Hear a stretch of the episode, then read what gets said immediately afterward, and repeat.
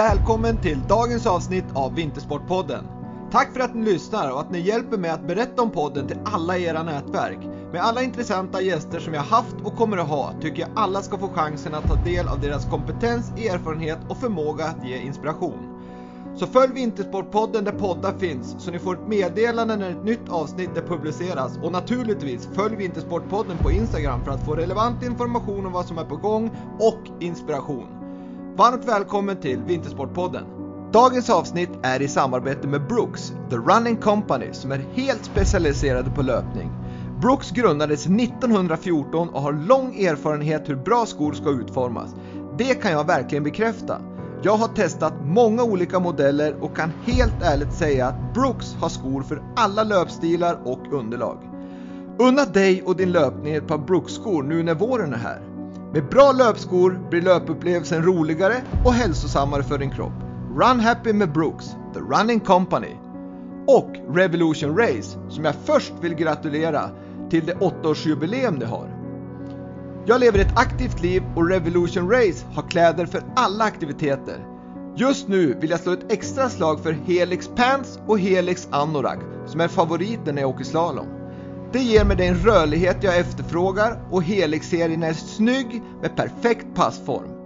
Under skidstället har jag understället Bambo Skin Base Layer Set som ger värme och transporterar bort fukt på ett perfekt sätt för en härlig dag i skidbacken. Efter skidåkningen är outdoor jeans i kombination med tröjan Sherpa Hoodie en favorit. Revolution Race har verkligen en grym kollektion med funktion och passform för ett aktivt liv. Dessutom är de fantastiskt snygga. Som en del i 8-årsjubileumet ger Revolution Race just nu 15% rabatt på webben. Missa inte det! Besök www.revolutionrace.se och beställ dina varor redan idag. Erbjudandet gäller en begränsad tid. Tack Revolution Race för samarbetet och grattis till era fantastiska resa.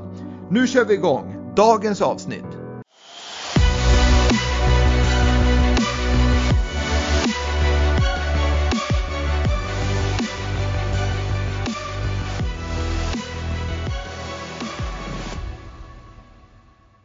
Dagens gjest i Vintersportpodden, den livslevande alpina legenden med flest alpina VM och OS-medaljer genom alla tider och en av få som har vunnit alla samtliga discipliner i världscupen. Sen ska jag också erkänna att du var en stor idol för mig när jag själv var aktiv som alpinåkare. Varmt välkommen till Vintersportpodden, Kjetil André Åmot.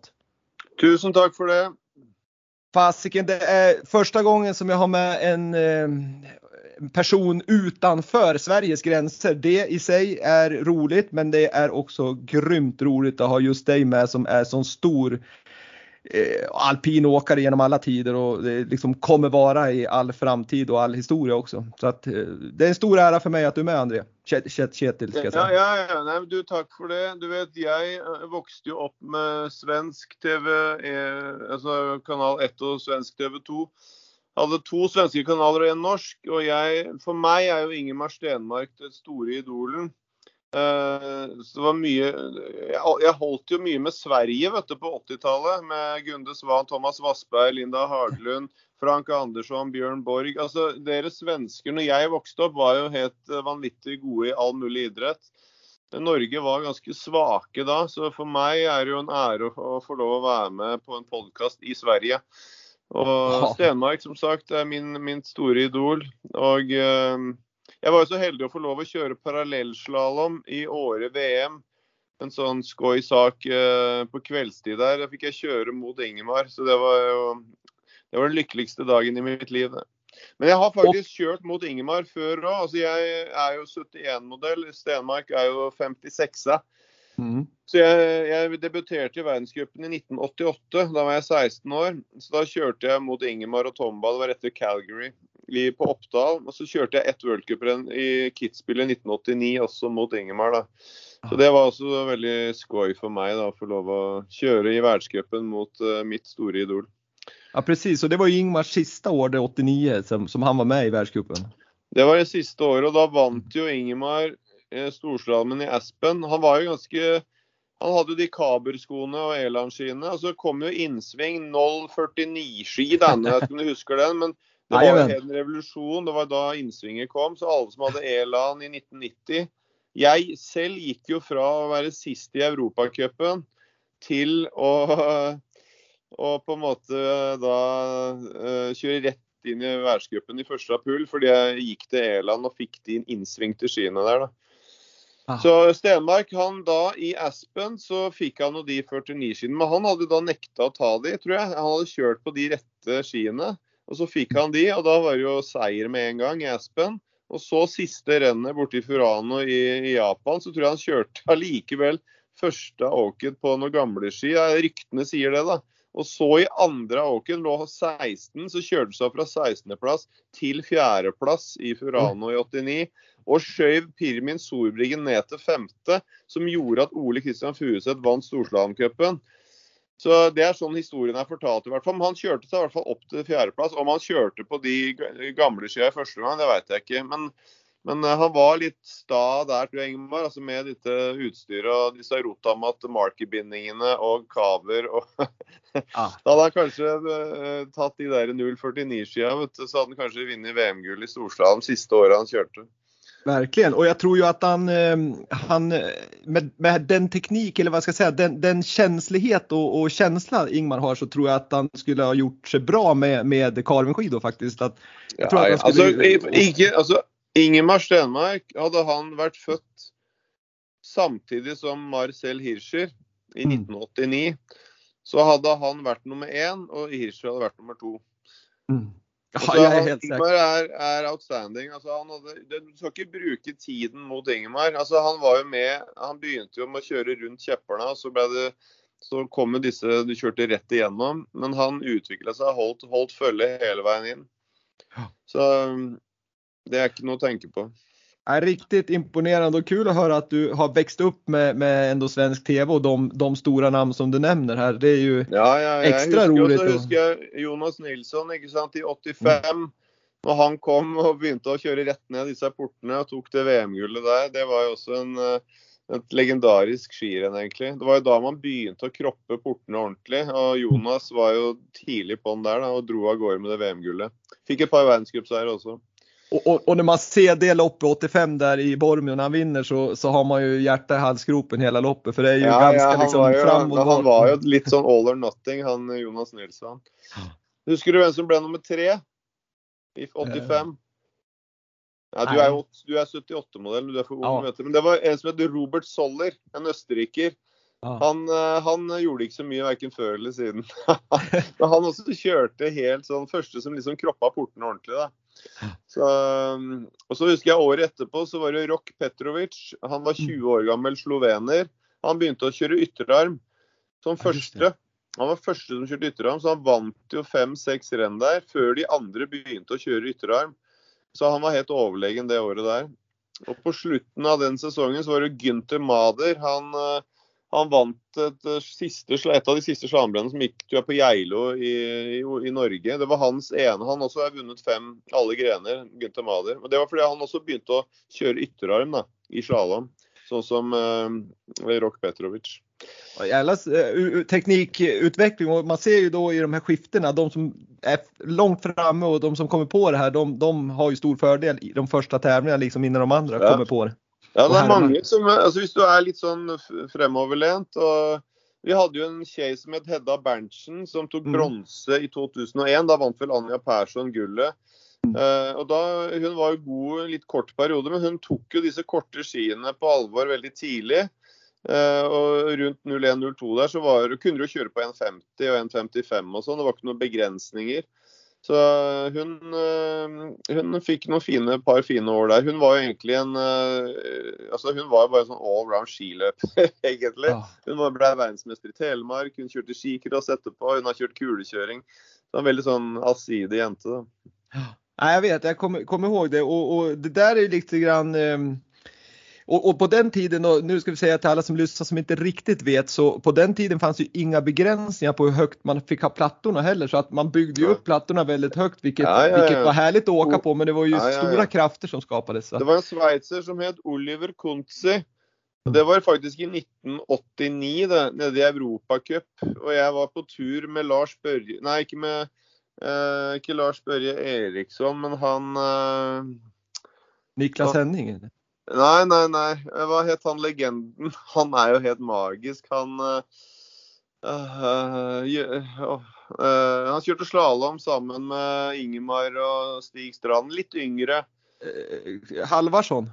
Halvarsson, Lars Gøran Lars Gøran Halvarsson. Og jeg var jo på Europacup i Bulgaria og Tsjekkia i 1989.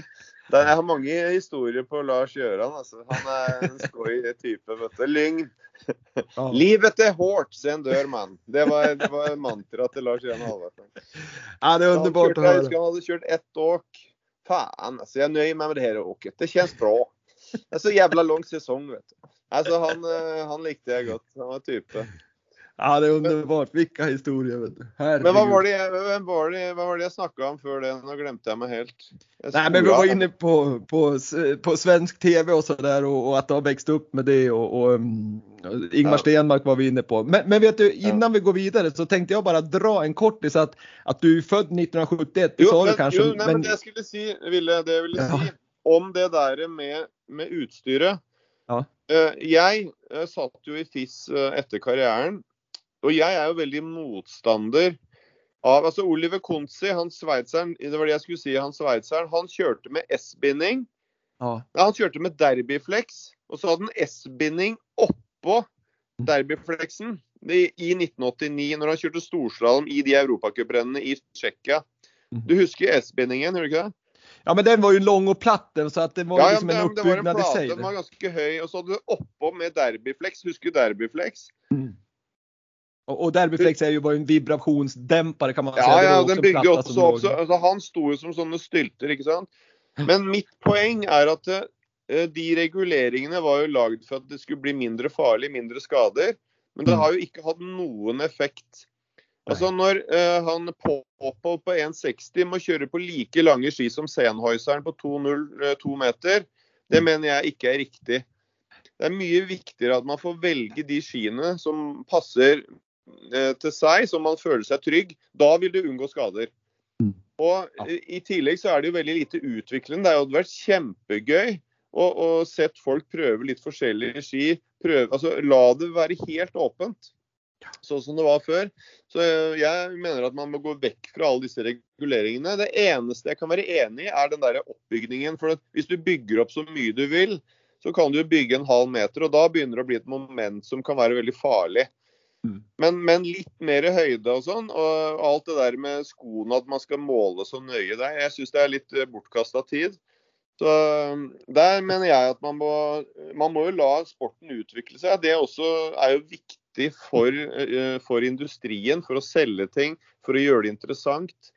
Så, um, og, og I tillegg er det jo rett og slett urettferdig at Popo må kjøre på like lange ski som Sennheiser, egentlig. Ja, ja, det är ju Eller konstigt. Och sen tycker. Sen, sen är det ju tråkigt det här med utvecklingen att, att man verkligen, det blir ju en begränsning för det är ju härligt också med idrott och de människor som verkligen vill testa nytt och så vidare. Och, och det tycker jag är en härlig del. Det är ju, dit, det är ju därför sporten utvecklas dit den är idag också. Ja, ja, ingen tvil om det. Så um, jeg mener at det, det er noe og nå er Pernilla Wiberg er vel fortsatt i den utstyrskomiteen, så jeg må ringe Pillan, tror jeg. Ja, og si at nå må du skjerpe deg. Nå må du få frigjort dette her. Ja, det tycker jeg du skal gjøre. Men hører du, dagens gjest Kjetil Andromot, du föddes 71 i Oslo. Du har mamma Gerd Johanne, pappa Finn som er en stor profil innom eh, ja, men den olympiska rörelsen i Norge men även inom alpina svängen. Syster Anna Kristin och så sen nu har du fru Stine och tre barn. Sen kan vi Mm. väl dra en kortis här, eller kortis, man kan ju bara dra en sammanfattning att du har ju varit med på fem OS, åtta medaljer, fyra guld. Du har varit med på åtta VM, 12 medaljer, fem guld. Och med de 20 medaljerna så är det ju absolut den som är högst i topp där på, på de 20 om man ska titta på mästerskap. 16 säsonger i världscupen, 425 starter. 64 pallplatser, 21 vinster. Du var totalsegrare i cupen 1994. Men det jag tycker är mest imponerande det är ju att du under en 10-11 års period så var du ju topp 10 nästan alla år utom tror jag tre år där du hade någon skada och så vidare. Så det är ju otroligt imponerande. Du har vunnit grensegrar tre gånger, fem gånger kombination men då var inte det officiell eh, totalcup så att säga. Mm. Uh, och så sen har du fått fina priser hemma i Norge med Aftonpostens guldmedalj och norska sportjournalisternas statyett och årets manliga idrottare och sen är det International Ski Racing Hall of Fame. Det är liksom lite urval men det är fantastiska meriter. Vad säger du själv om dem Kjetil? Du vet, Når du begynner å stå på ski, så står du på ski fordi du syns det er skoj, eh, og fordi man kanskje også er glad i å konkurrere. Eh, jeg hadde aldri en drøm Eller jeg, jeg, jeg hadde jo en drøm om å, å, å være der og kjøre verdenscup, sånn som Ingmar Stenmark. Det hadde jeg. Men jeg hadde ikke noe tro på at det kom til å skje. Men uh, min oppvekst uh, var jo ganske hard med, med, min far. Han var en ganske uh, typisk pappa. Altså I, i, i alpinmiljøet så har man jo veldig mange foreldre. Man er nødt til å ha en mor og far som virkelig følger en opp. Man trenger utstyr, man trenger Eh, hotell kanskje, man trenger heiskort. Det koster penger. Så det er veldig mm. mange sterke familier som står bak veldig mange av disse gode alpinistene. Og der var ikke jeg noe unntak, kan du si. da. Men, eh, så, så, jeg trente veldig mye med min far, eh, men jeg gjorde det fordi jeg elsket sport. Hvis det ikke hadde blitt alpin, så hadde jeg nok spilt fotball, for det var mye mer lavterskel rett utafor døra. Jeg var en sånn type som spilte fotball fem timer om dagen på sommeren og spilte ishockey hele vinteren på Løkka. Mens mm. min far mente at det var alpint, det var det vi skulle satse på. Men, men du, din pappa då, var, han var ändå kärleksfull fast han var jävligt hård liksom i att jo, du skulle jo, men det, liksom... Ja, men det jeg skulle si var at i forhold til det der med de merittene, så, så når jeg var 19 år, så vant jeg første medaljen i, i Salbach 1991 i super-G. Mm. Og da tenkte jeg jøss, nå er jeg faktisk her og kjører VM og vinner en medalje. Det var litt sånn jeg hadde, ikke tro, jeg hadde ikke noe særlig tro på at det kom til å skje, egentlig, i oppveksten. Da. Men jeg syntes det var gøy å holde på, og jeg trente mye. Og, men når jeg var der, så tenkte jeg det er ikke så rart at jeg kanskje vinner en medalje her nå. For jeg tror ingen har trent mer enn det jeg har gjort fram til alder 19 år. Hvis du skjønner hva jeg mener? Ja. Så, så, mengden av det jeg gjorde var så mye at det, det var nesten nødt til å bli et ålreit resultat. Eh, eh, og så må man selvfølgelig ha man må ha passion, man litt talent også for å drive idrett. Men aller mest så handler det om mengde, ikke sant. Så, så, så men, men, eh, det er veldig mange ting jeg gjorde feil i min karriere, egentlig. Men uh, man gjør de valgene man gjør, og man ender opp med de resultatene man ender opp. Så det er ikke noe vits å begynne vis om at det er dersom at det. Men i sum så må jeg jo si at at jeg var, var, heldig som uh, stort sett holdt meg skadefri og, og, fikk lov å være med så mange år. da. Mm. Uh, med tanke på det. ja. Ja, for det var jo imponerende, Men, men, men det som jeg liksom, om man går inn på liksom, ja, du, du valde skidåkningen og det var jo din pappa som, som, som drev på det så att säga. For jeg har jo lest om deg innenfor det her, og, og der har jeg jo fått fram at, at du har holdt på med mange idrotter og fotboll var vel kanskje det som ja, men det du kanske brann mest för om man skulle säga om du själv skulle ha fått valt där då. Men nu blev det ja. skidåkning. Eh, men, men då har ju, som jag sa inledningsvis, har jag följt dig när jag själv åkte och, och hade dig som en stor liksom, förebild och så vidare. Och, och din vapendragare Lasse Tjus ni såg så jäkla lugn och trygg ut och ni lite halvdisträ sådär. Men, men sen har jag läst på ja, men, i olika medier att, att du liksom har sagt nu att att du hade önskat at du hade lite annat perspektiv när du var mindre på idrotten, att du tog det så jäkla hårt och du var nervös. Men mm. var det så eller det är inte den bilden jag har av det? Jo da, jeg var veldig nervøs alltid. Uh, og det er kanskje en av grunnene til at jeg lyktes bra i OS og VM. Da, fordi at da er jo veldig mange nervøse. Eh, men jeg var nervøs hele tiden, så jeg hadde veldig mye trening på å være nervøs. Eh, så, så ja. Det der å takle altså Det er jo en sånn evig prosess. det. Eh, det å, å, godta det spenningsnivået man har på start. I alpint så er jo alt skal avgjøres på ett til to minutter. Og jeg var en type som la veldig mye i det, så jeg var supernervøs. Og jeg ødela veldig mange skirenn fordi jeg ikke ville kjøre ut. Jeg var for passiv. Eh, jeg var redd for å mislykkes. Eh, så jeg hadde veldig mange skirenn hvor jeg ikke klarte å få ut det beste av meg sjøl. Men du kan jo si at det er jo en del av det å få ut det beste av seg sjøl, også å være mentalt sterk. da. Men det var en evig kamp, det. Eh, så det er jo to ting man gjør når man blir nervøs og kjenner på press. Og det er jo at man enten så tør man å være nervøs, tør å la ting være viktig. Eller så flykter man litt fra presset. Og Jeg reagerte på veldig mange ganger eh, på begge måter. da. Et eksempel som jeg lærte mye av, var jo OS i 94. Da var jeg 22 år gammel. Jeg var en av favorittene i alle fem alpine øvelser. På den tiden var jeg, var jeg sterk. Eh, men det var hjemmebane. Det var 60 000 nordmenn og så på, på alle skirennene. Det var 2,5 millioner som så på TV.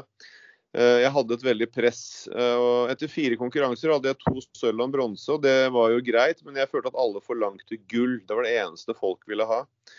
Siste dag av OL så var det slalåm. Jeg lå som nummer to etter første omgang bak Jean Gassinger.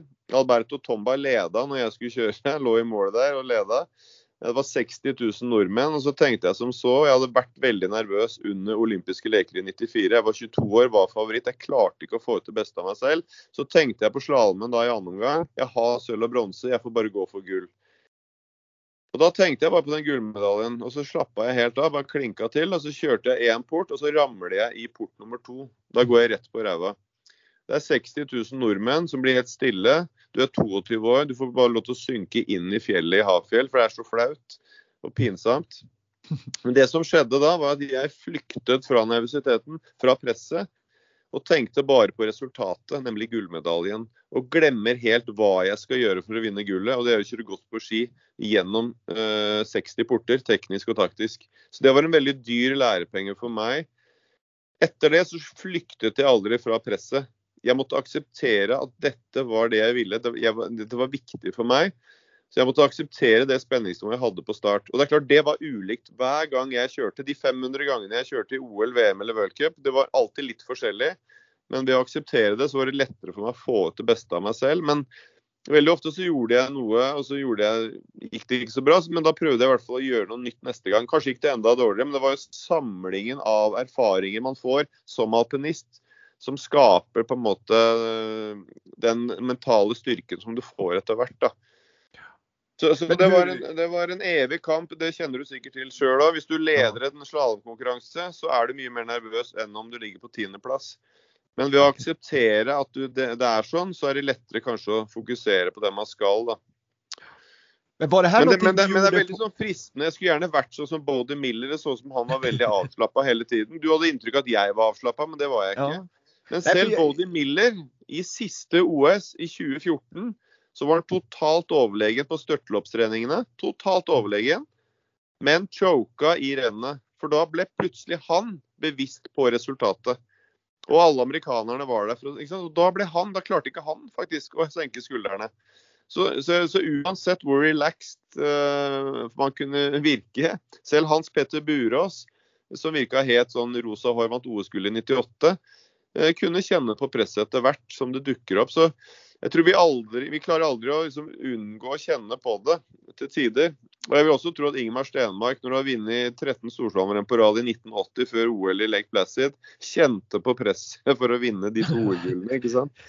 Så det er, det er en sånn eh, det, I alpint så er jo det, det mentale er uh, at det betyr jo mye, men, men uh, veldig mange kommer til meg alpint og sier at jeg er så god på trening, jeg får det ikke ut i renn. Men de, de, som sier det, skal vite at de som er favoritter, de er enda mer nervøse. De som virkelig er der, som kan vinne, de har det enda verre i huet enn det de som er sånn passe gode.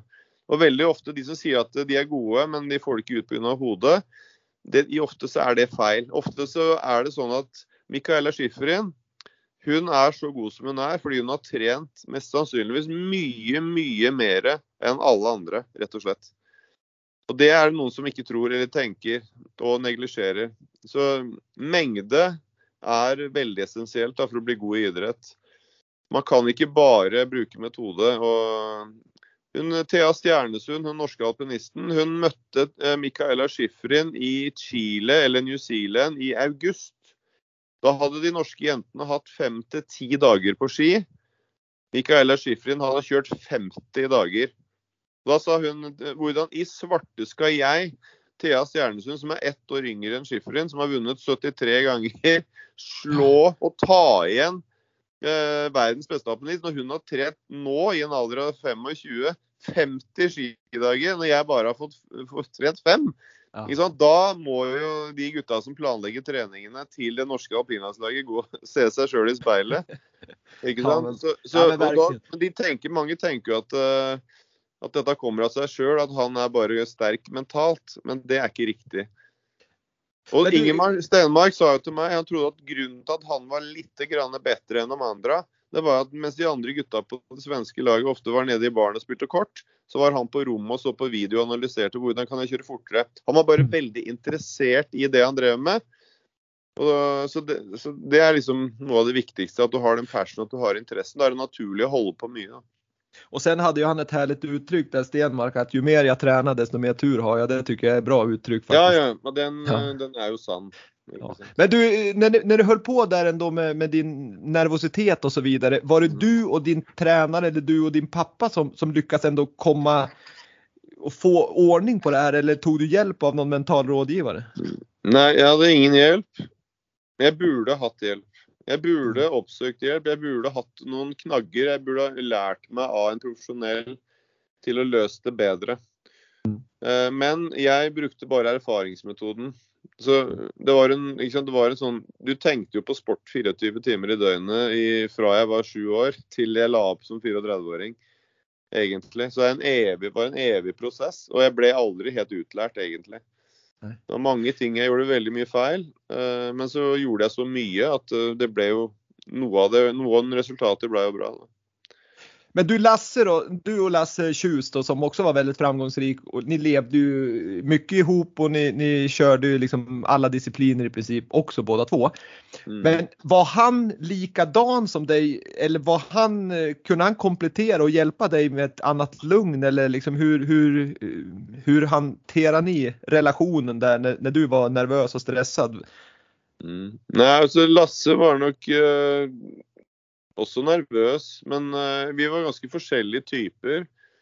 Uh, så vi var jo veldig sånn Vi snakket mye fag. Vi, vi, hadde veldig respekt for hverandre i forhold til jobben vi gjorde. Hele det norske laget var sånn at vi mange, Men det var ikke sånn at vi nødvendig Vi var jo liksom et gammelt ektepar, og vi krangla om mange andre ting enn sporten. Og det var mange på det norske laget som uh, ikke tålte trynene på hverandre til tider. Men vi hadde veldig respekt for hverandre når det kom til det at vi skulle utvikle oss sammen.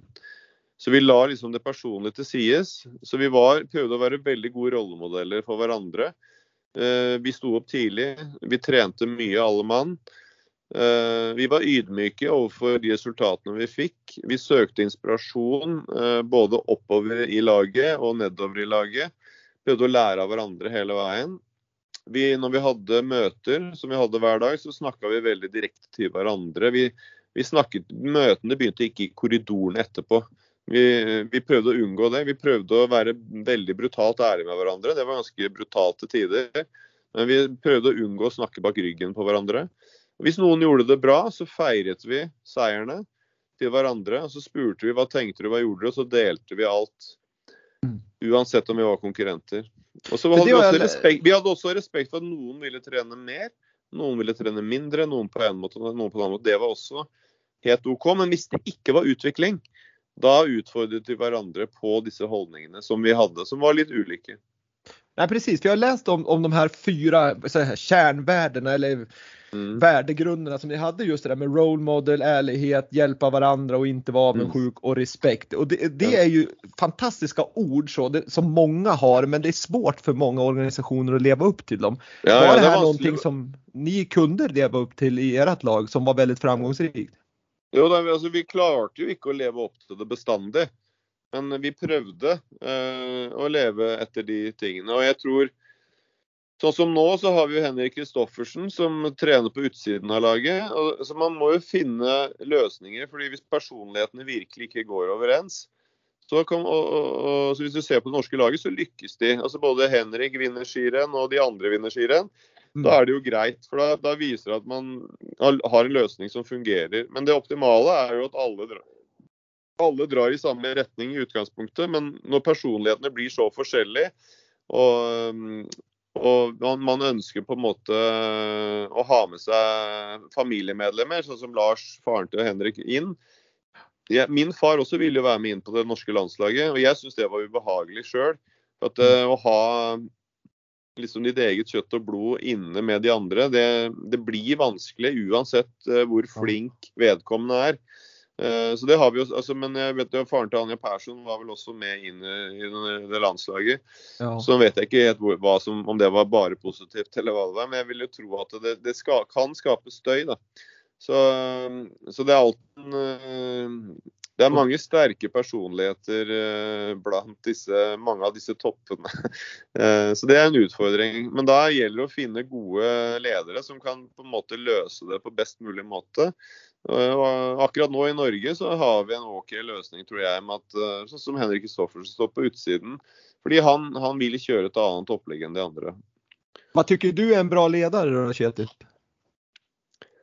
En bra leder er jo en som har, veldig, har en klar filosofi, en rød tråd i det han driver med, men er flink til å tilpasse hvert enkelt individ.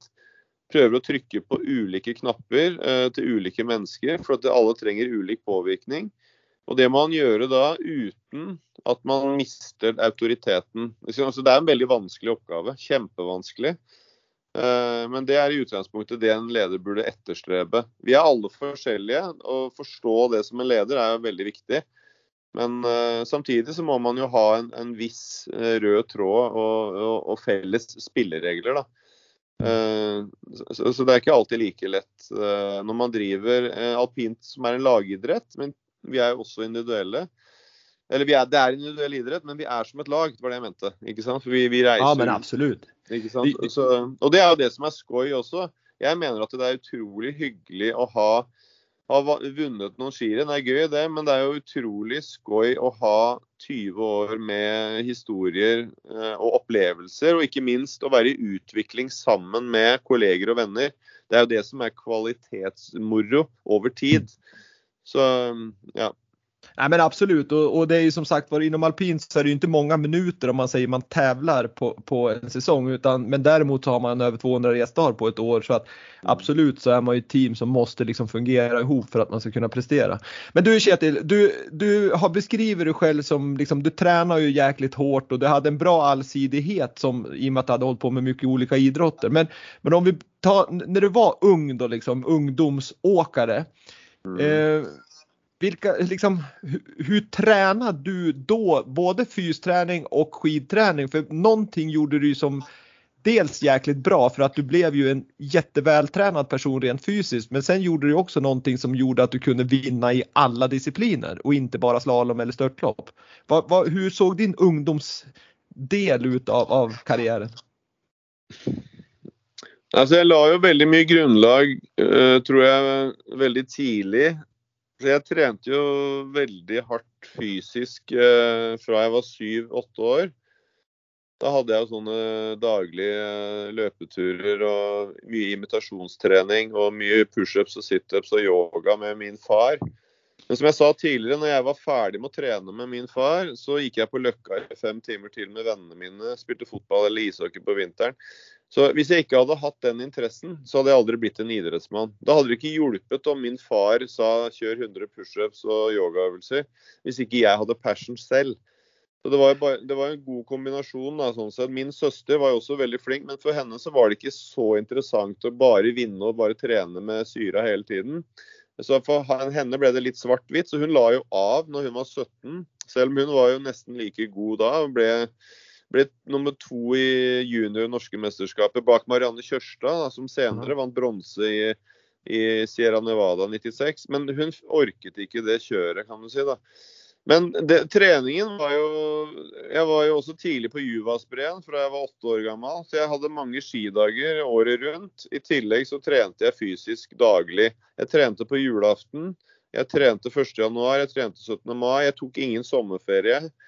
Min far sa til meg en dag jeg ikke trener En dag når jeg var tolv år, når jeg da valgte å spille fotballturnering istedenfor å stå på ski, så sa han tenk på denne dagen, gutten min, når du taper et OS-gull med noen hundredeler. Det at du ikke trente på ski i dag, men kos deg med det du skal gjøre. Og Da tapte jeg OL-gullet i 1994 i størtelopp med 400-deler til Tommy Moe. Måtte ta konsekvensen av at jeg ikke hadde trent den dagen, ifølge min far i dag. Så det er et bilde på hvor hardt det var å vokse opp med min far, Finn ja, jag, skrattar men, och jag hoppas ändå, du sa ju att han var ju kärleksfull ändå, men, men det, det, är ganska liksom, det är roligt att höra det liksom att, att eh, och, och hur framgångsrikt det har blivit. För annars så, så hör man ju många säga att, att liksom, ja, men det är lite mindre, man ska hålla på med mycket og man, man liksom ja, Nei, men det var, altså, altså, du kan si at jeg var, litt, jeg var jo allsidig på en måte, men det var alltid nummer én. Det var skidåkning. Mm. Altså det var, det var pri én. Altså alt det andre Min far han så nesten aldri meg spille en fotballkamp. Så når jeg hadde spilt en fotballkamp to ganger 40 minutter, så kommer han og henter meg. Så sier han kom her, Kjetil, nå skal vi trene. Fotball er ikke trening. Så dro vi og trente og løp en time til og kjørte intervaller og holdt på. Så ja. Så det var jo ganske ekstremt. Mm. Ja, men jeg tror ändå at du, du sier jo selv der att även om det var så, så hadde du ändå ditt eget driv og passionen til ja, men det var det, at... Når du har den driven jeg, som jeg elsket dette, så var det ikke noe problem. Altså Hvis Nei. du har dine egne barn, hvis de har et veldig press, eller hvis de virkelig vil det, så kan du også trykke på. Mm. Men du må møte barna dine med det samme trykket de har, ellers så blir de flate. Mm. Så Det handler jo om en oppvekst, det handler jo om et liv. Å være fornøyd, det er det viktigste. Men mm. jeg var fornøyd selv om det var hardt. Altså jeg, jeg ville det, jeg elsket det. Jeg, jeg, ønsket å prøve å vinne skirenn. Og når jeg ikke vant skirenn, så øh, trente jeg bare enda mer for å prøve å vinne. Men när ni var där då, ung, när du var ung där och, och, du och din pappa körde mycket skidträning, var det mm. liksom. Var det medvetet redan då att du skulle bli väldigt duktig i alla grenar eller blev det liksom av en slump? Eller ja, det kom litt, ja, det var litt altså Min far mente at ordentlig skiløping, da må du kjøre alt. Var, da er du en alpinist. Uh, så han hadde jo liksom Storbriggen og Sushiadelli var litt sånn forbilde der, da. Mm. Så han var veldig på det. Men jeg tror ikke det var derfor jeg og Lasse Kjus vi var uh, litt sånne som elsket å være aktive. Vi elsket å holde på hele tiden. Så det gøyeste vi gjorde var jo etter ski, var jo på barmark. Altså spille fotball eller basket eller holde på. Så vi, vi gleda oss til å være aktive. Så for oss så var det uaktuelt å ikke kjøre alle renna, skjønner du hva jeg mener? Mm, altså vi, å kjøre bare slalåm ni-ti renn i året når det er 365 dager i året, det var for kjedelig. Det var tråkigt. Så vi, vi, ville kjøre alle 40 renna. Så det var derfor vi Det var egentlig grunnen til det. Men det var jo ikke noe klokt, egentlig. Hvis du har, hvis du har lyst til å ramme, hvis du har lyst til å vinne veldig mange skirenn, så er det bedre å kjøre to grener. Det var vanskelig Altså, jeg har jo 75 uh, fjerde- og femteplasser i verdenscupen. Ja, for, for... Det, det, det, var veldig tøft, spesielt når vi kom, vi kom alltid til Val d'Isère i gamle dager. Så kjørte vi fire grener på fire dager, litt jetlag. Eh, og Da var det vanskelig å møte slalåmgutta på søndag, altså etter å ha kjørt utfor eh, hele uka. Så, så det, var, det var tøft. Jag glömde att säga det som jag tycker också är jäkligt imponerande nu när vi ändå pratar om det att du har ju genom tiderna flest topp 10 placeringar också, 231 stycken. Ja, jeg, jeg er egentlig, egentlig noe, Det er egentlig noe av det jeg er mest stolt av. At jeg har mm. liksom, og Det er ganske jevnt fordelt i alle grenene. Og det, og, og det, altså, jeg vant jo slalåmcupen i år 2000. Og da kjørte jeg alle renna. Jeg kjørte, jeg kjørte alle utforrenna. Altså, så, så, så, det er jeg stolt av. Å klare det. At jeg ikke la Altså, OK, jeg sto over siste Jeg, jeg fikk vondt i ryggen, så jeg kjørte ikke finalen. Men, eh, men, det året tok jeg, jeg tok verdenscuppoeng eh, i alle, alle, alle renna helt til jeg kjørte ut i Hinterstålet rett før finalen. Men, så, så det, det, var, det, var, liksom jeg, Midt i sesongen her så skjønte jeg at slalåm var min greie i år. Og Da var det jo fristende å kutte ut utfor super-G og, og, og, gå all in på slalåm. Men for meg så var det viktig å kjøre alle renna og allikevel klare å vinne slalåmcupen. Mm. Ja, det är ju grymt imponerande. Men, men då, då kommer vi in just på det här med att du har hållit på så pass länge. Du, vann, du, du liksom redan där i början av 90, 91 vann du din första där i Salbach VM och så sen vann du ditt sista OS-guld 2006 i, i Turin. Turin. Och, mm. men, men, men hur fasiken, för det första hur orkar du och hur höll kroppen liksom under alla dessa år? Med alle altså, grener? Nei, det, altså det å holde seg skadefri er jo et litt sånn noe av det viktigste. Altså det, det største hinderet for utvikling i alpint er jo skader. Og da er Det ene er jo akutte skader, og det andre er jo belastningsskader. Så det å være litt smart og lytte til kroppen er jo ekstremt viktig. Eh, og få litt allsidig belastning. Og så er det det der å unngå å stå på ski når det er ordentlig ræva forhold. Og så er det også det der når du kjører størtlopp, så er det det å holde igjen litt. Og så ligge på 95% da. Istedenfor å gå 100% Da er det korsbåndet i første renn Louise hvert år. Du, du, kan liksom ikke ligge over grensa hele tiden. Da blir det skader. Så du fikk gjøre litt taktikk der og holde, liksom, holde ja. det på den nivåen, så at du ikke utnytter de her kreftene inn i det siste? Ja, jeg tror det kan være lurt, ja. Men, det, men, eh, jeg har nok gått glipp av noen, kanskje et par seire fordi jeg var for safe. Men uh, det er som jeg sier om, om størtloppet i Kitzbühel. Jeg ble tvåa der to ganger. Lasse Kjus han vant to ganger. Og jeg var noen hundredeler bak. Men Lasse Kjus har også vært på sykehuset på andre sida av dalen i Kitzbühel. Fordi han, han, hadde litt mer risiko i kjøringa, så jeg slapp i hvert fall å dra på det sykehuset. Man, men eh, jeg fikk aldri den utforseieren i Kitzbühel. Men, men, eh, så er det eh, hva, hva, hva man, så, Men sånn som de Kyrschel, mange av de størtloppsgutta som vant mye, jeg tror mange av de, de lå nok på bare 95% men hvis du er godt forberedt, så kan du vinne på 95 mens noen amerikanere spesielt husker jeg var jeg ofte korsbåndet første renn i Lake Louise, for de skulle kjøre for fullt, og så var de ikke godt nok forberedt. da. Så, Men du, jeg tenker på som en vanlig tradisjonell eh, slalomåkare og kanskje storslalom, men, men om man håller på med en eller två grenar, då, då, har man liksom, då är det ju inte tävling som jättemycket utan det är ju det är tävling kanske på helgerna då och så har man Nej. veckan till träning och man vet mm. att man kör sin slalom och sin storslalom. Med, Medan håller du på med alla grenar så är det ju genomåk på veckorna, mm. tävling och sen är det teknik på helgen. Men hur såg träningen ut för er? För jag menar träningen måste ju ha skett på inåkningen i slalom och storslalom. Ja, da, altså, altså nei, vi, vi, kjørte jo gjerne slalåm etter størtloppstrening. Mm. Uh, og så kjørte vi Så det, det var, det var uh, Altså, jeg dro til Westendorf og var prøvekjører før, uh, før FIS-rennet der etter størtloppstrening. altså, det var veldig mange sånn Det var slitsomt. Altså, hvis jeg hadde valgt på nytt, så hadde jeg faktisk bare kjørt to grener. Ja, du skulle gjort kjørt, det, du. Ja, da hadde, jeg, hadde jeg bare kjørt to grener. Hvis jeg, hvis jeg har den erfaringen jeg har nå, så hadde jeg gjort det annerledes. Men jeg var den jeg var da, og gjorde det jeg gjorde. Så det er ikke noe vits i å tenke på noe, at jeg kunne gjort noe annerledes nå. Men hadde jeg, hadde jeg hatt den erfaringen jeg har nå, så hadde jeg ikke kjørt alle grener. Men jeg var så ivrig, og, så lastet, og var det litt vanskelig. Og av og til så kjørte jeg fort i størtopp, av og til i slalåm. Så det, er viktig, det var ikke så lett å velge ut noen grener, da, på en måte.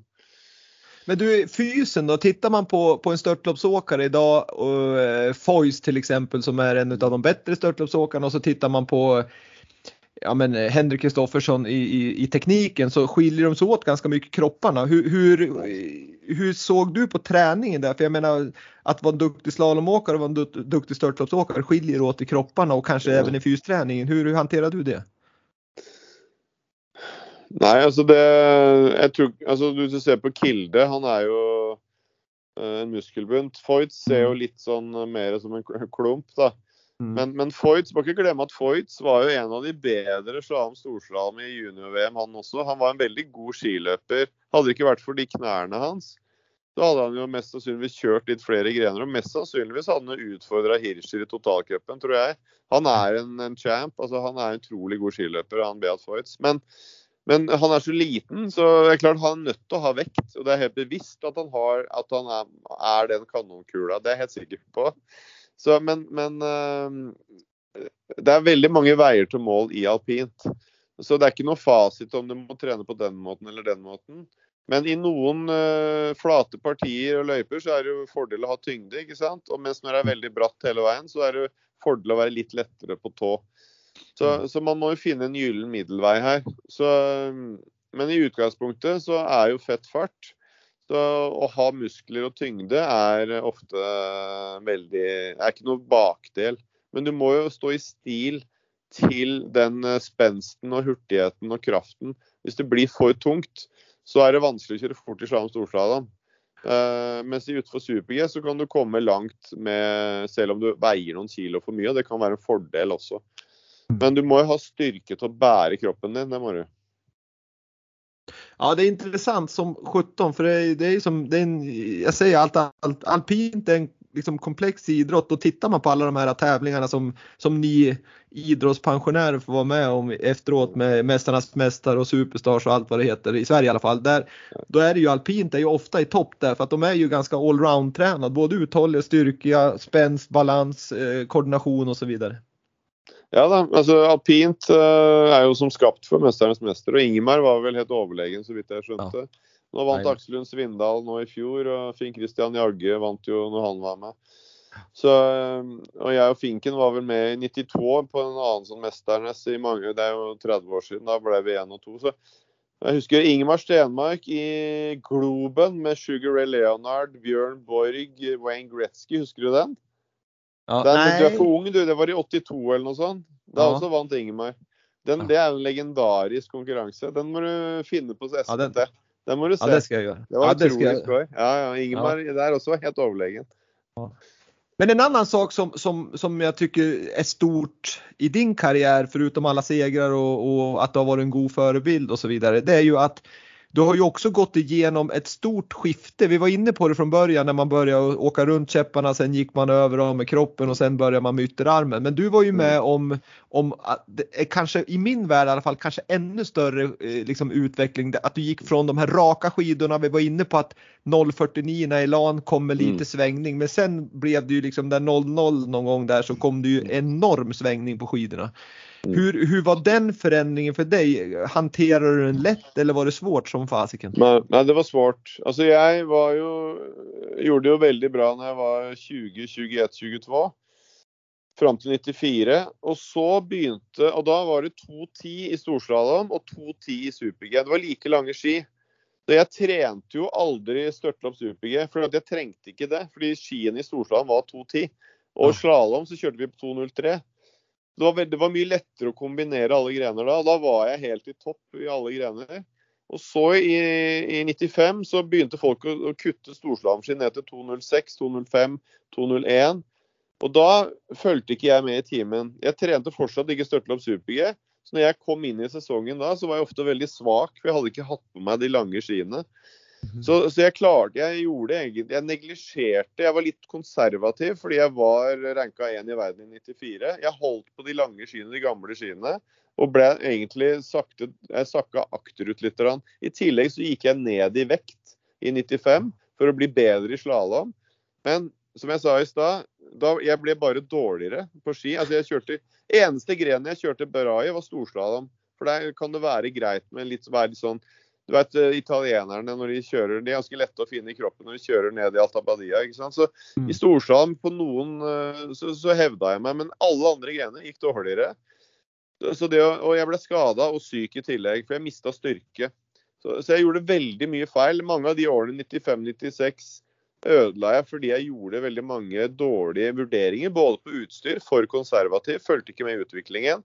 I tillegg så, så, mistet jeg vekt, og da ble jeg både syk og skada. Eh, så justerte jeg meg litt inn igjen og kom litt tilbake i 97, 98, 99, 2000. Da, da, kom jeg opp på et høyere nivå igjen. Da. Og da jeg, begynte jeg å skjønne litt mer hvordan jeg skulle trene for å være med i alle grener også. Jeg skjønte at jeg måtte ha på meg de lange skiene litt oftere for å, for å få Du vet jo åssen det er når du har mye innsving. Kjørt mye slalåm, så er jo storslalåmskiene ganske tunge å få rundt. Mm, mm, Men hvis du mm. da uh, kjører super-G på stor, storslalåm på super-G-ski, så går tilbake til storslalåm Så jeg brukte ofte skiene for å komme meg i form.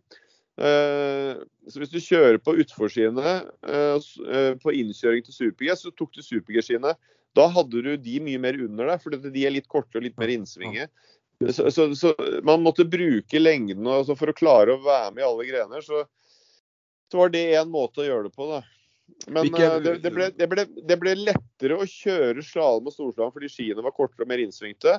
Men det ble desto vanskeligere å gå til fart etterpå. Ja, fordi skiene var så lange. De, du vet, Størtlopp på super-G så er de akkurat samme skiene som i 1994. De er 2.10 og 2.15, akkurat som det var da.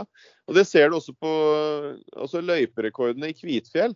Det er fra 93. Løyperekorden i Wengen er fra 97, i Kitzbühel fra 96. Altså akkurat samme skiene som i dag. Og det er ikke hvis du ser på gamle klipp fra slalåm, storslalåm, eh, så er det jo helt latterlig å se på når vi kjørte på 2.03 eh, og 2.10. Det, altså, det går så tregt. Men i størtlopp super-G, ta se på renn fra 94, 95. Det er ikke så stor forskjell som det er i dag. Altså, det, er, du, det ser helt OK ut. Det, det enda som skiljer er vel eh, hjelmene og, og ikke så flashiga glasögon typ? Ja, ja, det var kulere på den tida. Nei da. Men du, jeg tenker på om jeg da stiller frågan liksom så här, man brukar också säga, det finns ett ordspråk att man inte ska gå i andras fotspår för då blir du bara lika bra som de som gick framför. Du måste ta egen väg för att bli ännu bättre. Hur var du där? Var du en sån här som sökte utveckling och nya vägar och, och sådär eller, eller liksom nöjde du dig med det som någon annan hade gjort? Ja, både og egentlig, men en av de, dum, det, en av de vanligste feilene man gjør i, i alpint, det er jo å kopiere de som er best. Eh, jeg så på Tomba ofte, og veldig mange italienere når Alberto Tomba kom. Så han hadde jo veldig spesiell kjørestil. Spesielt han var jo en, en overkroppen og armene, husker du det? Ja. Så alle italienerne kjørte jo visuelt akkurat som Tomba. Mm.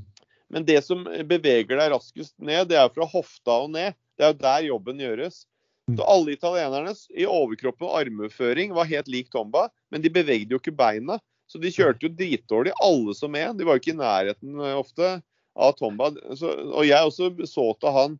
Så, så, etter hvert så begynte jeg å være i et blindspor uh, i slalåm en del år pga. det. Og så begynte jeg heller å tenke motsatt. Jeg må tenke fra føttene oppover. Jeg må kjenne trykket, og så må jeg agere i forhold til det.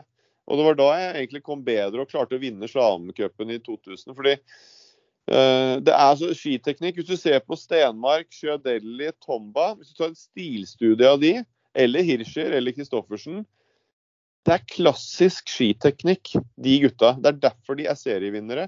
Det er veldig få alpinister som blir serievinnere i worldcup, som vinner renn ut og renn i, i en gren. Men de som gjør det, de har en klassisk fin skiteknikk. I dag, uansett om utstyret er annerledes, det er fortsatt én motor, og det er tyngdekraften. Og det Du må agere i, i henhold til den. Altså, det er ikke noe, det er ikke så veld, altså, ting er ikke noe annerledes enn det var når Stenmark kjørte. sånn sett. Hvis du ser han ved en port, selv om han hadde ræva utstyr og ski og underlaget var bløtt, så er det han vinkler opp med kne og hofte og klassisk, står sentralt, eh, sentrert på skia, akkurat som Tomba gjorde, akkurat som Hirscher gjorde, eller Christoffersen. Det er de gutta som vinner mest over tid. Ja, men, jeg er det. Men, men, men du, det, det jo otroligt om man skulle titta på, på dåtiden då, det vill säga när du började och, och sådär och, och, under din karriär och hur det ser ut nu. Vad skulle du då säga har blivit bättre nu och vad har blivit sämre? Uh, nei, altså Hva som er bedre og hva som er sämre, jeg vet ikke. Men altså, jeg likte jo f.eks. å se størtlopp med Frans Klammer med lite sikkerhet. De kunne ta på publikum det var jo et jævla show, ikke sant. Mm. Eh, og så, Jeg husker bare er det Gøran Sakariasson, var det han het? Han som lagde alle de dokumentarene med Stenmark og sånn. Ja, Gøran Sakrisson, ja. ja. ja han, han, sa jo at det ble litt tråkete etter hvert. Ble, banene ble liksom helt like, og det var så rytmisk. og det, Jeg liker jo Kostelitz sine løyper hvor det er mm. litt rock'n'roll og det, litt, det skiller seg litt ut. da. Så, så det som har blitt uh, semra, at det er litt strømlinjeforma. Jeg vil gjerne se mer terreng, jeg vil gjerne se litt mer variasjon i løypesetting og sånn. Syns det er skoj, da. Eh, men samtidig så er det jo bra at det har blitt mer sikkerhet og, og de tingene. Og det går jo fortere enn når Klamer og de kjørte, selvfølgelig. For underlaget er mye hardere. Og utstyret har blitt bedre. Men, så man trenger jo å, å sikre mot skog og sånne ting. Men, men det, i sum ja. Så, men i sum så er det jo det, det er veldig stor konkurranse om oppmerksomhet, for det er veldig mye som skjer i verden. Så alpin skisport må utvikle seg, og vi må Men uh, vi har prøvd mye forskjellig. og det, det, som fortsatt lever godt, er jo de klassiske skirennene. Så vi er nødt til å bare fortsette å styrke de klassikerne vi har, både på damesiden og på herresiden, uh, og, og, dyrke det. altså. Nei, for det er, jo, det er jo som du sier, det er jo man måste nok se over liksom ja, men att utveckla alla koncept och där jag tycker personligen att det är synd att man har tagit bort de här city parallelltävlingarna för det var ju ändå ett sätt att, att få kanske de som inte är tokintresserade av skidåkning att lätt kunna gå till Hammarbybacken i Stockholm och titta på ett race, vilket jag tror är bra. Holmenkollen likaså. Jag vet inte hur du ser på just de rennen, att de är borta nu. Nei, altså det, i, Sverige så var det jo veldig, følte at det var en veldig bra greie. Og det, Dere lyktes, og dere hadde bra publikum. Uh, og, men det avhenger jo veldig av at man har en nasjonal god kjører som er god i parallell. Sånn, vi, vi, følger jo med våre utøvere i det landet. I noen Neureuter i München, ikke sant. Men uh, i Oslo så var det en fiasko, egentlig. Altså, altså litt pga. at det var første nyttårsdag. Det var tåke, som det alltid er i Holmenkollen. Ja, det. Uh, det, er, så det er en grunn til at det blir borte. Det er ikke nok interesse. Så markedet bestemmer jo, egentlig. Ja. Og i, i Mellom-Europa så er man veldig vant til å se to omganger på tid. Man, man, det er en tradisjon over lang tid. Man kjenner til uh, Wengen, Kitzbühel, Adelboden. Altså, så, der er det veldig lange tradisjoner som fungerer. Mens en parallellslalåm Jeg er enig med at det kan være gøy og skøy, men egentlig det er jo så mange runder i de samme 15 portene er du ikke enig? Altså, de kjører, det er veldig mange runs. Det uh, tar lang tid før man kommer til finalen. Uh, man blir jo helt svimmel. Altså, så det, jeg syns faktisk jeg, jeg, trodde at dette skulle bli et kjempesuksess. Parallell er gøy og sånn. Men den klassiske toomgangeren eller de klassiske rennene lever bedre faktisk i, i, i sporten enn en disse parallelleventene. Så, og det, det har vært svakere oppslutning publikumsmessig på disse parallellene enn man skulle tro. Unntaket er vel i Stockholm. Där ja, der var ju, ja, det var vært riktigt bra. Och sen, sen är det ju som så, som du säger, precis som inom en parallell. Har man många duktiga åkare så blir ju en traditionell tävling också jävligt intressant att se på TV till exempel. För det, det jag menar, då har man sin nation att följa till, till skillnad om ja, du inte har därför, någon. Lengdeåkning i Norge er jo veldig populært, for det er bare ja. nordmenn som vinner hele tida. Så da veit ja. vi at det blir seier. Ja, det norska mästerskapen i, ja, i alla världscuper. längdåkning. Ja. Precis. Men om vi är inne på just Norge och Sverige så där lite grann så, så är det ju idag stor skillnad framförallt på herrsidan mellan Sverige och Norge. Jag menar, tittar vi på Norge nu så leder de störtloppscupen, de leder super-G-cupen, jag tror de är trea i storslalomcupen, sen är de etta och tvåa i slalomcupen. Och, och de har även fler som är duktiga bakom där. Och på här mm. sidan i Sverige så är det ju väldigt anorektiskt just nu. Det är ju Kristoffersen, eh, nej Kristoffer Jakobsen som, mm. som har lyckats bra några tävlingar. Dessvärre har han kört ur, men sen är det ganska klent. Va, va, vad är din analys av det? Det är väldigt vanskelig for meg å svare på det, altså, egentlig. Um, Eh, jeg vet ikke Jeg har et inntrykk av at det rekrutteres vel bra med alpinister fra Sverige. Eh, like mange som kanskje i tidligere år, når, eh, på 80-tallet 90-tallet, når dere hadde et større lag. Dere hadde jo en veldig sterk slalåmgjeng med, med ja, Bygg, Byggmark og Brolin og, og, Myhrer og Hargin og sånn. Ja. Så det er litt sånn generasjonsskifte der. da. Og så har det jo vært veldig fokus på slalåm i Sverige. Så dere har jo vært fryktelig svake i fart bestandig. Ja. Uh, jeg aner ikke hva som er grunnen til det, om det er tilfeldig eller hva det er. Men nå, nå jeg vet så, så, jeg vet ikke. Det er vanskelig for meg å svare på det, men jeg tror også at uh, Det er litt tilfeldig òg. men når jeg ser på disse FIS-rennene jeg følger med, så er det mange svensker som er ganske gode ganske tidlig. Men som kanskje ikke tar det helt opp. da. Och det är, där, det är där jag kan också se, för jag tror att vi ligger inte efter om man tittar på, på den nivån. Kanske Europacuper är också helt okej. Okay. Eh, ja, det er mange, men, men det... mange, gode svensker i de yngre år, årgangene. Har vært ja. egentlig mange ganger. Og så er det mange som stopper litt opp, da. Mm. Ikke sant? Så var Sånn som Tobias Hellmann, som var utrolig god som junior. Og så ja. stoppa det litt opp for han. da.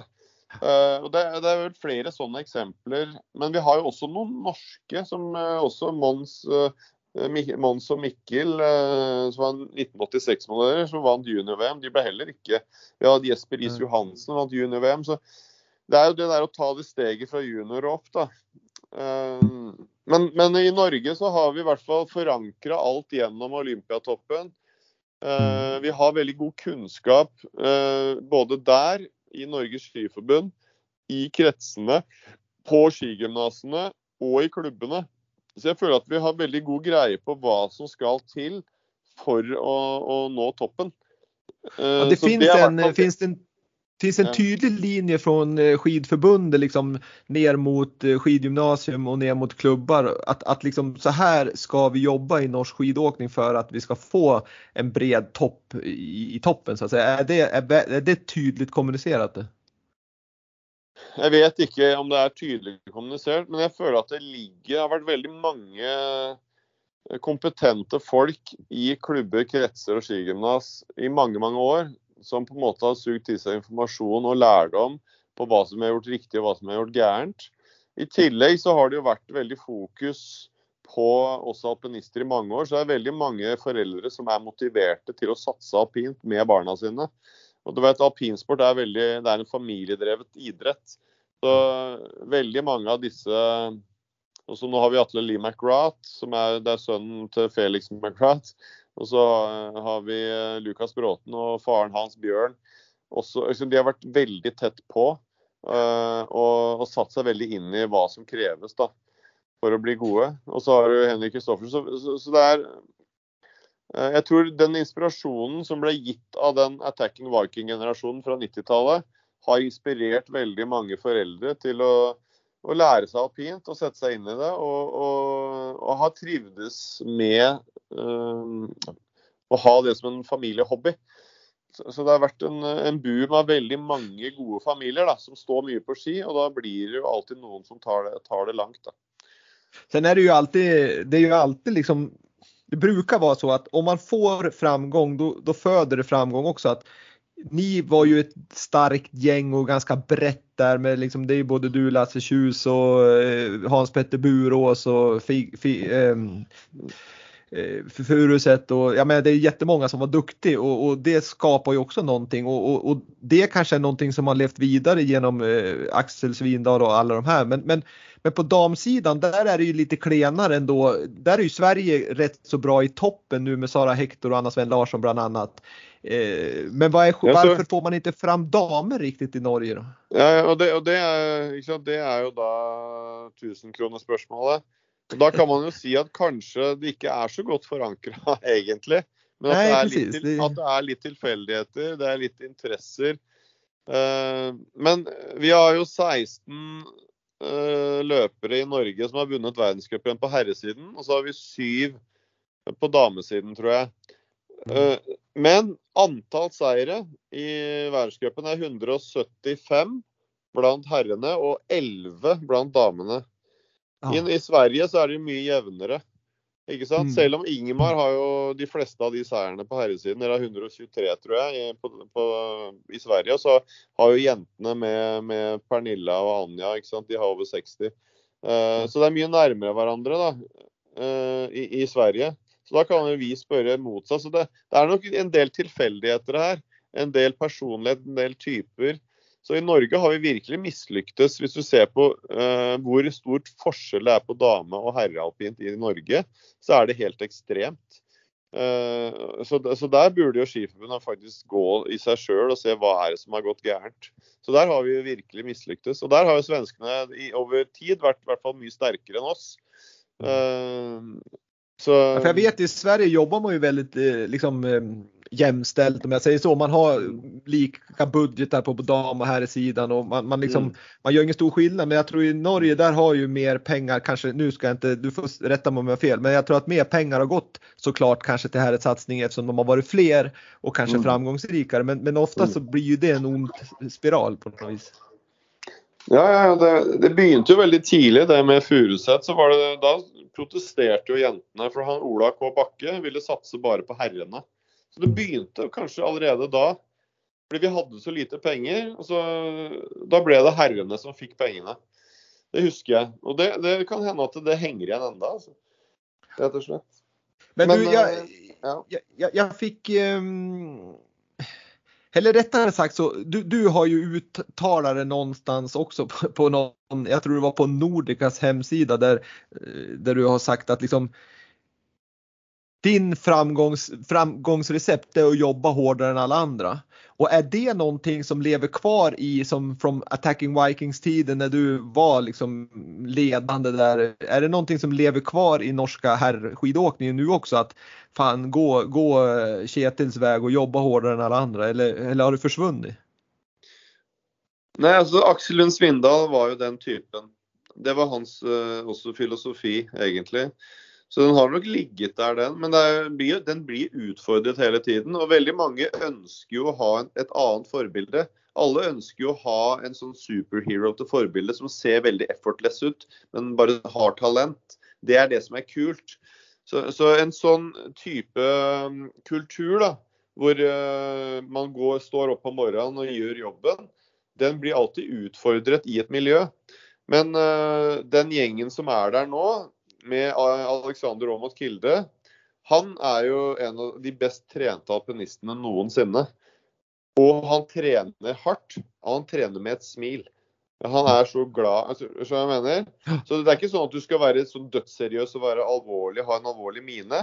Men de gutta trener øh, vi, vi, hadde en sånn øh, The Unbeatable Happy Boys var på en måte at du trener hardt med et smil. Prøver å bli uslåelig, da. Men da, akkurat den sesongen vi hadde den, så gikk det ikke så bra. Så da ble det mer The Beatable Unhappy Boys. Da gikk det litt dårlig. så man skal være litt forsiktig med de slagordene. Men, eh, men eh, i Norge så er det en veldig eh, tradisjon ja, for at eh, det må, det må, du må opp om morgenen og gjøre jobben. Ja. Så den, den, den, kulturen har ligget der helt siden Furuset. Og det er jo derfor vi har Eh, I hvert fall på herresiden, føler jeg. Eh, vi har vel vunnet 80-90 eh, medaljer i OL og VM fra 1991 fram til i dag. Så det er ganske ekstrem forskjell. fordi de 40 årene før det så vant vi jo ikke en medalje. Det var Stein Eriksen i 54. Og Sen kom du. Vant, ja, og så var det, ja, det var egentlig Furuseth og jeg som fikk de to første i 91. Men du, jeg tenker på du har ju liksom, dels har du en erfarenhet, jättelång erfarenhet från det här. Du, du har eh, framgångar och du har framförallt en väldigt, väldigt god liksom, inställning till det här med träning och att det är liksom hårt jobb som, som, räk, eller som man måste ha för att lyckas. Det är inget liksom, det är inte åka på en räkmacka liksom, utan det gör jobbet så går det kanske bra. Men vad, jag tänker på hur är din relation till alpina världen idag? Nej, alltså, har, är du tränare för någonting? Eller, du har ju någon race school där har jag läst. Nei, jeg hadde en racecamp i 13 år på Gaustablikk én gang i året. Og jeg følte jeg ville gi tilbake til idretten. Uh, og der var jo Lukas Bråten. Han var jo der når han var ti år. Uh, Kristin Lysdal var det. Så det har vært noen eh, innom den campen. Men det var mest sosialt. Det var mest til inspirasjon. da. Jeg ville gi tilbake til idretten i Norge, som følte det hadde gitt meg mye. Men etter 13 år så følte jeg at jeg hadde utspilt min rolle. Så da får heller Svindal eller noen andre gi litt tilbake. Ja. Eh, så, så, den har jeg gitt meg med nå. Eh, så jeg har bare engasjement som kommentator på TV. Så jeg jobba i NRK, og nå har jeg bytta til Viaplay da, fordi jeg har kjøpt rettigheter. Så nå kommenterer jeg er, er ekspert, da. Ja. Men, men, sen hörde jag då, som expert gör du ju fantastiskt bra, det, det ska vi säga. Men, men sen hörde jag på en podd med dig, en annan podd, en norsk podd faktiskt. Eh, mm. Där du gick igång ganska rejält på när vi, de kom in på fotboll och de kom in på Liverpool och hon som intervjuade var Manchester United-fans. Och där, där drev ju du rätt hårt på just Liverpool-delen. Och, och, när du pratar fotboll och när du pratar Liverpool, då kände jag nästan att fasiken, det kanske skulle kunna vara expert i fotboll också. För du hade ju ett jäkla engagemang och kunskap inom det. Ja, Det vet jeg ikke, men det er ganske mange som eh, kan mye om fotball. For det engasjerer veldig mange. Det er jo verdens største idrett. Eh, det er som Hvis du er i Østerrike, så er alle en skitrener. Alle har en mening om alpint. Fotball så føler jeg nesten at alle har en mening om fotball. Og eh, Det som er gøy med fotball, er jo å sitte i sofaen og slenge litt skit. ikke sant? Så, og jeg har vært Liverpool-fan så lenge jeg kan huske. så det, det, det, styrer følelseslivet mitt, hvordan Liverpool gjør det. det. Sånn er det bare. Så jeg blir veldig engasjert. Da. Uh, Kommer de ta in, eh, tar de inn avståndet mot Manchester City, eller blir det tøft i Premier League i år? Jeg skal aldri gi opp. Man skal aldri gi opp uansett. Uh, men det ser jo veldig tøft ut. Uh, det, det, gjør det, altså. Men vi har jo fortsatt et håp. Vi kan, altså jeg, det, det, viktigste for meg er jo at vi går forbi Manchester United i antall ligaseiere. Så Premier League er det jeg brenner for for Liverpool sin del. Da. Så jeg husker jeg jubla når City slo United på målstreken i 2014 eller 2013. Men nå er det jo City som holder oss tilbake, ikke sant? for de er veldig sterke. Så Vi vant jo serien med 25 poeng, eller hva det var. Det var bedre å vunne tre ganger med to poeng enn å vinne den ene gangen så overlegent. Exakt, så exakt. Vi har vært nære på. Så Klopp er jo bra. Det har vært veldig skoj med Liverpool når Klopp tok over, for de spiller jo veldig sånn offensiv fotball. Men det er litt mm. naivt, da. Han står jo veldig høyt med linja si, og når du spiller mot raske spillere, så er det jo veldig lett å se i bakrom. Men allikevel, eh, hatt det veldig gøy med Klopp siden 2015 med Liverpool. De har vunnet eh, fire trofeer i hvert fall. og så I år kan vi jo vinne litt ligacup og FA-cup kanskje og Champions League, men Premier League ser litt vanskelig ut. Men de er bare seks poeng bak nå. Vinner ja. vi mot dem på bortebane, så er det tre poeng. You never know. You never know, den som lever får se. Men du, innan den här, vi ska börja avrunda här, för jag skulle kunna mm. sitta i flera dygn till, ja, men, men vi ska mm. dra lite avrundningar. Och innan den här intervjun så tänkte jag, ska vi prata med några som har som känner till dig och har levt lite grann med dig och en är ju Pernilla Wiber som jag vet ni har tränat lite grann tillsammans nere när du bodde i Monaco och så vidare och hon mm, ja. dels så sa hon att du sa att Kilde var kanske den mest vältränade skidåkaren som finns och hon sa mm. att du förmodligen var den absolut mest vältränade alpinisten som, som har funnits. Hur, mm. hur ser du på det? Nei, vet du hva, Skal jeg fortelle en historie? To historier med Pernilla. Vi trente jo med han, Hun hadde en, en sånn polsk svømmetrener.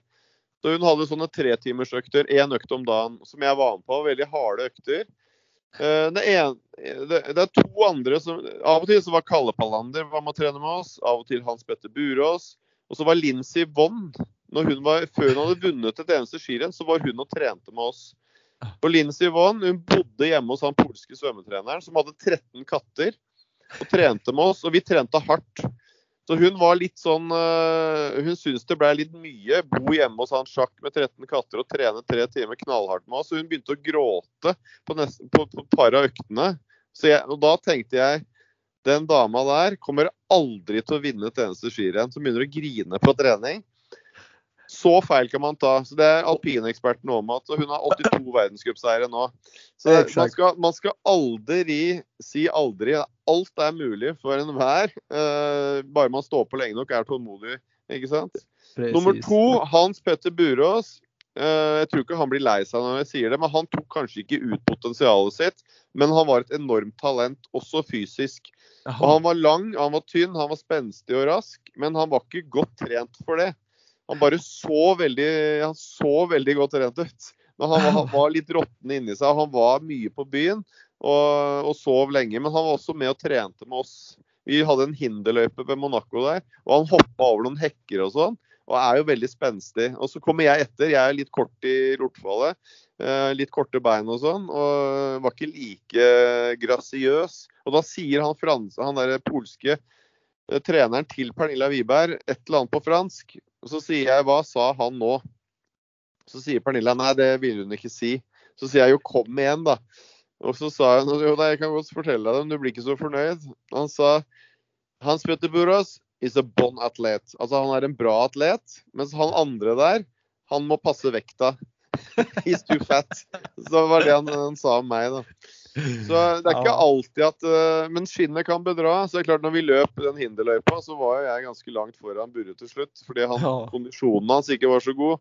Men han uh, Fordi han uh, var ikke så glad i å løpe langt, da. Ja, och då, där fick han fel, den här uh, ja, ja. Og så var det sånn, Pernilla og jeg, når vi, både jeg og Pernilla var jo litt sånn tette og, og små og, og, sterke. Men vi mm. så jo ikke spesielt sånn rå ut sånn rent fysisk. Fordi vi, vi, hadde litt korte kropper, på en måte. da, Og litt tette. Så han, han polske treneren han også var jo, hadde ikke et gram fett på kroppen, han der uh, gamle svømmetreneren. Så, så, av og til så ville han spise lunsj med oss på søndager, det var fridag. Og da var det sånn, da bestilte han maten til oss. Det var sånn salat. Og så bestilte han et kakestykke til seg selv i dessert, mens jeg og Pernilla vi fikk ingenting. Så, så, han var ganske morsom, han svensken. Han er svømmetrener. Han ville gjerne at vi skulle være, se litt så ut som Burre. da. Han likte å se sixpacken, for å si det sånn. Så är det. Men hon sa också en annan sak som förmodligen är en dold talang och jag vet inte om, om det är ett internskämt det här men hon sa att du var en fantastisk breakdansare. Fantastisk vel å ta i litt, men uh, jeg drev med breakdance på 80-tallet. Uh, østkanten av Oslo. For å bli integrert i samfunnet der, så måtte du danse breakdance. Så uh, ja. Avenue Rockers het den, den gruppa jeg dansa i. Så vi, vi, dro rundt på Karl Johan i Oslo med papplater og gettoblaster og prøvde å tjene til livets opphold. Men det var nok en god del som var bedre enn oss, ja. Nej, det är grymt, härligt att höra. Men sen så också jag pratat med en annan, jag tänkte säga legend som, som i Sverige då är den enda som har vunnit VM i, i stört, eller vunnit, tagit medalj i VM i störtlopp. Ja. Och det är ju Patrik Järbyn som jag vet har tränat en hel del med dig och, och hängt omkring med det. Men han sa ju också att eller han berömmer ju dig som 17, dels för att du är en stor härlig människa som, som alltså en, en god människa som är, är otroligt eh, snäll och god att vara med och rolig att vara med. Men sen är du ju den bästa skidåkaren enligt honom då. Eh, han, han nämner också att du var ju bäst oavsett vad den gjorde, om det så var fotboll eller spela kort eller spela basket så sa han att ni var bäst. Men sen nämnde han en sak som, som jag måste fråga om. Det var en tävling som eh, jag tror det var 99 i Østerrike, Österrike, någon Patcher Koffel Innsbruck. Super-G, der där du blev tia, där det var etta till nia var österrikare. Ja, ja, ja. Hur, hur var det och liksom under ändå den karriären där när, när både du och Patrik då var aktiv så var ju Österrike jäkligt stark alltså? Ja, ellers var vi andre ikke så gode, jeg vet ikke. Men uh, de var veldig sterke. De hadde, de hadde jo Eberhardt og Herman Maier på topp. Og så bak der så hadde du Fritz Strobel, Josef Strobel, Hanners Trinkel, Patrick Ortlib, Hans Knaus, uh, Christian Greber. Altså det var jo uh, Patrick Wirth. Altså det var jo en hel horde. Så det var et veldig De, de var harde å slå. Uh, på den tida der, altså. Uh, så det var veldig sterkt lag, ingen tvil om det. Så det var, uh, det var ofte at de var veldig dominante. Så det var, det var jeg og Patrick og tjuseren og Gedina som miksa litt inn topp 10 der. ja, og prøvde å bryte opp, da. Ikke sant. Mm.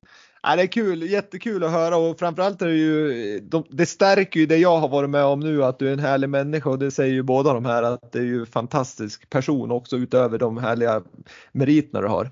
Men nu ska vi börja runda av här med lite lyssnarfrågor som jag har fått in. Eh, jag har fått in mm. många men jag har tagit några som du kan svara lite kort på så vi inte blir så jäkla långrandig. Men, men den ena det är ju vad är det coolaste du upplevt i livet? Liksom, det kan vara allt möjligt om du så har åkt Kitzbühel eller vad du nu har gjort. Ja, det cooleste Nei, altså Hva skulle det vært, da? Uh, altså, en, grunnen til at man er alpinist, det er jo den mestringsfølelsen så når du, når du, står på toppen i Vengen, som er den, kanskje den deiligste størtloppen å åke da. Du står på toppen der, du har lengste, verdens lengste utforløype. Det er sol. Du har uh, Eigerfjellet, fin utsikt. Du kjører gjennom en tunnel, du har Hornshop. Følelsen når du kommer i mål etter en sånn uh, Også i Kitzbühel, for så vidt. Det rushet. Det er på en måte det som er fantastisk med alpint. da. Og det var det jeg jagde, den der følelsen av spenning på start og det å, å kjenne mestringen i mål. Uansett om man ble nummer fire, fem eller, eller, eh, eller klarte å vinne. Uh, altså, du, man taper jo flere skirenn enn man vinner. Selv Ingmar Stenmark uh, tapte jo flere hvis annenplass er et tap. da. Hvis han vant 86 ganger, men han kjørte vel kanskje nærmere 200 renn. Så, så det var en veldig bra seiersprosent, men, men selv og Hirscher også. Du, du, taper jo mer enn du vinner i alpint, uansett hvor god du er. Mm. Så, så det må være den derre Det er bare den Du er en kamp mot deg selv, så, så det var uh, en utrolig herlig tid, da. Uh, og så kunne jeg av og til ta meg selv i å stå på toppen av et fjell på morgenen i New Zealand på, klokka seks. Da var vi på toppen av fjellet. Så kommer sola og står opp. og så tenker, så da, Jeg klarte å reflektere såpass da, at jeg er heldig som er, har dette som et kontor, som har denne muligheten. Så jeg prøvde å nyte det underveis. da. Så, så det var kult med å være alpinist, sånn sett. da. Ja, det är härliga, härligt att höra. Och då kommer vi til neste. Hva er det roligaste minnet fra karrieren? då? Det er rolig. Nei, det var jo en del uh, bra storyer. Jeg har jo noen storyer på Patrick Gjerbyen bl.a. Det er mange morsomme. Mikael Gustafsson har jo mange fine historier på Patrick. Han hadde jo problemer med venstrepjekk, sant, Patrick, vet du. Jeg husker jeg møtte Patrick. 'Åssen går det, Patrick?' Og så sier han 'Nei, faen, det går ikke bra. Den venstrepjekk sant, fungerer ikke'. Og dette var, dette var i, på, inn på april. Og så møter jeg han liksom på høsten i Sølden. Ja, 'Hvordan går det nå, Patrick?' 'Nå går det jævlig bra. Jeg har fikset venstrepjeksen. Og så møter jeg Patrick to uker etterpå. Hvordan går det? Går det fortsatt bra med venstrepjeksen? Nei, du. De snodde bilen, og i bilen lå venstrepjeksen. Helvete! Så Patrick, det er mange fine historier på Pat. Han var veldig Han var utrolig artig type å ha på tur. Og så kjørte han Lake Louise, det gikk dårlig. Og så var det Beaver Creek, og da sto vi i oppvarmingsløypa. Og da hadde Patrick jobba med venstrepeksene hele natten. Og så kommer han skliende forbi oss da, i bånn av heisen der. Og han ser ikke på oss engang, men da har han fiksa venstrepeksene. Og idet han passerer oss, så sier han bare 'Pat is back'. Og så glir han mot heisen. Da er peksene i orden igjen. Så det er mange fine historier på Pat. altså. Men, uh, Så det var liksom de, de, historiene der, de opplevelsene vi har hatt sammen, er jo, er jo på en måte Alle de røverhistoriene er morsomme. Og liksom, Lasse Kjus også var jo en type Vi bodde på rom mye. Vi hadde mye moro. Og han var jo en sånn evig optimist. Han, han, var glad i å sove, Lasse Kjus. Som vi var i Kitzbühel, så bodde vi midt i byen. Og kirkeklokka, den, den kima jo altfor tidlig på morgenen, ifølge Lasse Kjus. Så han tok med seg håndklær og ducktape og klatra opp i kirkespiret. Og teip, skulle teipe da håndklær og duck rundt den der jævla klokka. For å slippe å våkne av de der jævla elevene på morgenen. da. Men uh, han kom slukøra tilbake med håndklær og ducktape fordi han har blitt stoppa av en sånn kirketjener. han, han hadde ikke så, så, så, det er nok av de historiene der. Ja. Ja, det är roligt. Och förmodligen så kan vi ju dra 150 000 till. Men vi, vi nöjer oss med de där. Det var ju grymt bra, bra historier där Kjetil. Mm. En, en, eh, en sista lyssnarfråga och det är ju en, du har säkert svarat på det lite grann, men den tuffaste tävlingen i, i, i världscupen som du har kört, vart är den? Du vet, egentlig så er det ut fra hvordan snøen er, hvordan været er. Det kan være fryktelig vanskelig å kjøre Men hvis jeg skal dra fram ett skirenn, for å være litt original, da, så Kitzbühel er selvfølgelig spesielt. Men i Kranjska Gora i 1992 så var det som å kjøre ned en ishockeybane. Det var blåis. Sånn, det var ikke, det var ikke noe ikke sant? De, de, sprøyta med slanger. Det var ikke sånn at du kunne gjøre sånn som nå hvor du har dyser. Da var det, det var helt blåis. Det var én mann som klarte å sitte på den isen. Han het Sergio Bergamelli. Han hadde én verdenscupseier. Det var den gangen i Kranskagora. Han vant med to sekunder og 22 hundredeler foran Alberto. Var det ikke da han hadde slipa med 86 eller 84 eh, graders kantslip? Ja, det kan godt tenkes. Men uh, Sergio Bergamelli, én verdenscupseier med over to sekunder i Kranjska. Mm. Da var det vanskelig å kjøre, altså. Var, vi hadde jo to tilanger ski òg. Det var veldig vanskelig å få grep, husker jeg. Det var helt fryktelig. ja, herregud. Ja, det är otroligt kul. Nu har jag suttit och pratat med dig här ganska länge och, och, det har varit jättetrevligt och jag skulle kunna sitta jättelång tid till om jag fick för att eh, du har så mycket ja, att dela med dig. Vi får ta en ny podcast nästa år. Jag har masse historier som jag kan fortelle uh, som är eh, lite mer som på kanten. Da. Litt røverhistorier. Ja. Då tar mange, vi... om, mange om Patrick Gjerbyen. Og... han kan bare grue seg. Og da har du, da, da har du, vi høres om, om et tag framåt. Da har du dels et nytt podcastavsnitt og så sen har du en uppgift å få med eh, Ingmar Stenmark i den här podden. För då har jag haft de två största skidåkarna i den här podden. Ingmar Stenmark och Kjetil Andromot. Det skulle vara fint. Vet du. Det var skojigt. Ja. Ja. Men innan vi slutar nu eh, så skulle jag bara säga, jag ställer en sista fråga som, som jag ställer till alla som är med i den här podden. Kan du säga en framgångsfaktor för att lyckas med idrott? Egentlig så er det tre ting. Det ene er å aldri gi opp. Du vet, Første fisttevlingen jeg kjørte, så var jeg 15 sekunder bak. Da er det lett å gi opp. Men det er bare én sving som skal gå litt fortere. Så er du plutselig en, altså 500 per sving, 60 svinger. Da er det 7,5 sekunder på to omganger. Så man må aldri gi opp. Man justerer målene underveis, men aldri gi opp. Alt er mulig. Husk på Lincy Vonn, som jeg sa, som jeg ikke hadde trua på. Som jeg mente aldri kom til å vinne skirenn. Vant 82 ganger. Nummer to den som trener mest, blir best. Den, det er fall, det er ikke alltid det blir sånn, men det er den tanken du må ha. Nummer tre gjør kompisen din god. Prøv å hjelpe kompisen din. Prøv å gratulere ham, prøv å feire ham. Prøv å spørre ham når han gjør det bra. Gi ham tips, del alt. Vær eh, Respekter hverandre og, og legge janteloven til sides. Så de tre tingene er eh, Men i bunn så må du jo elske det du gjør, selvfølgelig. Passion, passion, passion. Med det sagt Kjetil Andre Aamodt, så takker jeg Willy Berlin deg så jätte, jättemycket för att du var med i podden og jeg ser fram emot nästa avsnitt når vi skal fokusere på litt gamla historier från, från din karriär. Men fram, fram till dess så önskar jag all lycka med med kommenteringen på, på Viaplay och så sen önskar jag all lycka med, med dina barn och att ni blir frisk för just nu så har ni haft lite otur med coronasjuka och så vidare. Så att all lycka framåt och stort, stort tack att du var med i Vintersportpodden. Bare hyggelig. Takk skal du ha, Ville. Vi snakkes. Tackar. Hei, hei. Hej hej!